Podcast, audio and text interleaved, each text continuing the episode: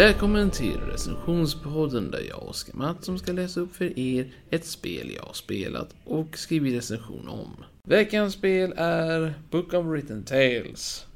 Det är ett point and click-spelsäventyr, vilket gör att spelet är unikt byggt jämfört med många andra spel som man hör liksom med tanke på att det ska vara ett äventyrsspel. Point and click-spel baseras på, ja, lösa pussel och liknande och för att klart fortsätta med en story. I detta spelet så finns det inte så mycket som möjlighet att dö, normalt sett. Hemligheten till det får ni lösa själv.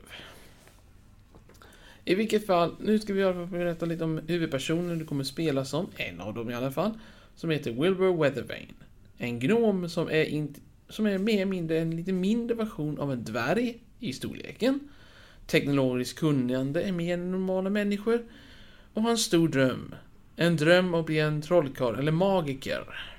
Och eftersom att en gnom är inte kunnig i magi normalt sett så säger alla hans föräldrar och alla hans vänner det är omöjligt. Men saker och ting kommer ändras i storyns gång. Jag tänker inte avslöja för mycket för det är värt att uppleva detta själv.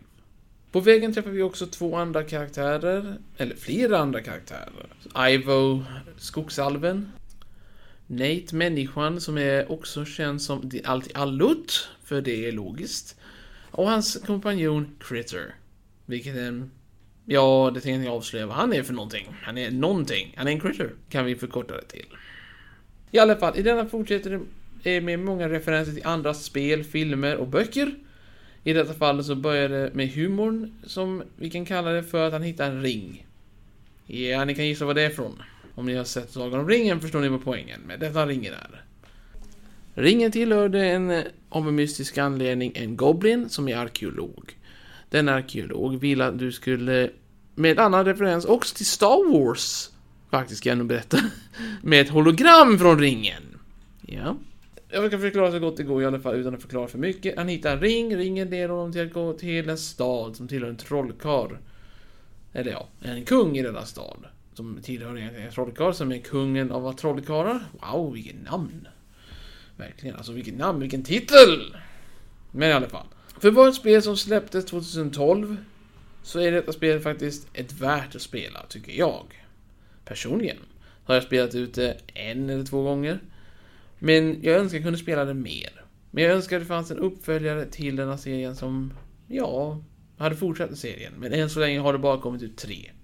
Vi kommer att berätta om dem i de kommande veckorna. Men det här är första spelet i vilket fall.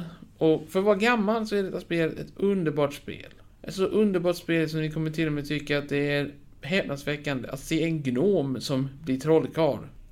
En skogsalv som vill bli fri från sitt öde. En människa som vill helst uppleva äventyr. Och en critter som, ja, um, vill någonting. Jag vet inte vad. Det är svårt att se ansiktsuttrycket på denna varelse. Alla dessa karaktärer kommer du träffa och du kommer också få träffa på skurken. Jag tänker inte avslöja vad han heter, men ni kommer förstå själva hur mycket komiken finns i detta spelet. Mitt betyg för detta spel blir 7,5 av 10. Kunde varit bättre, men såklart, det är ett gammalt spel. Ja, det var allt för denna vecka tyvärr. Jag vet att jag inte skulle avslöja för mycket. Jag hoppas inte jag har gjort för mycket. Och jag hoppas att ni kommer nästa vecka när vi fortsätter. Hej då.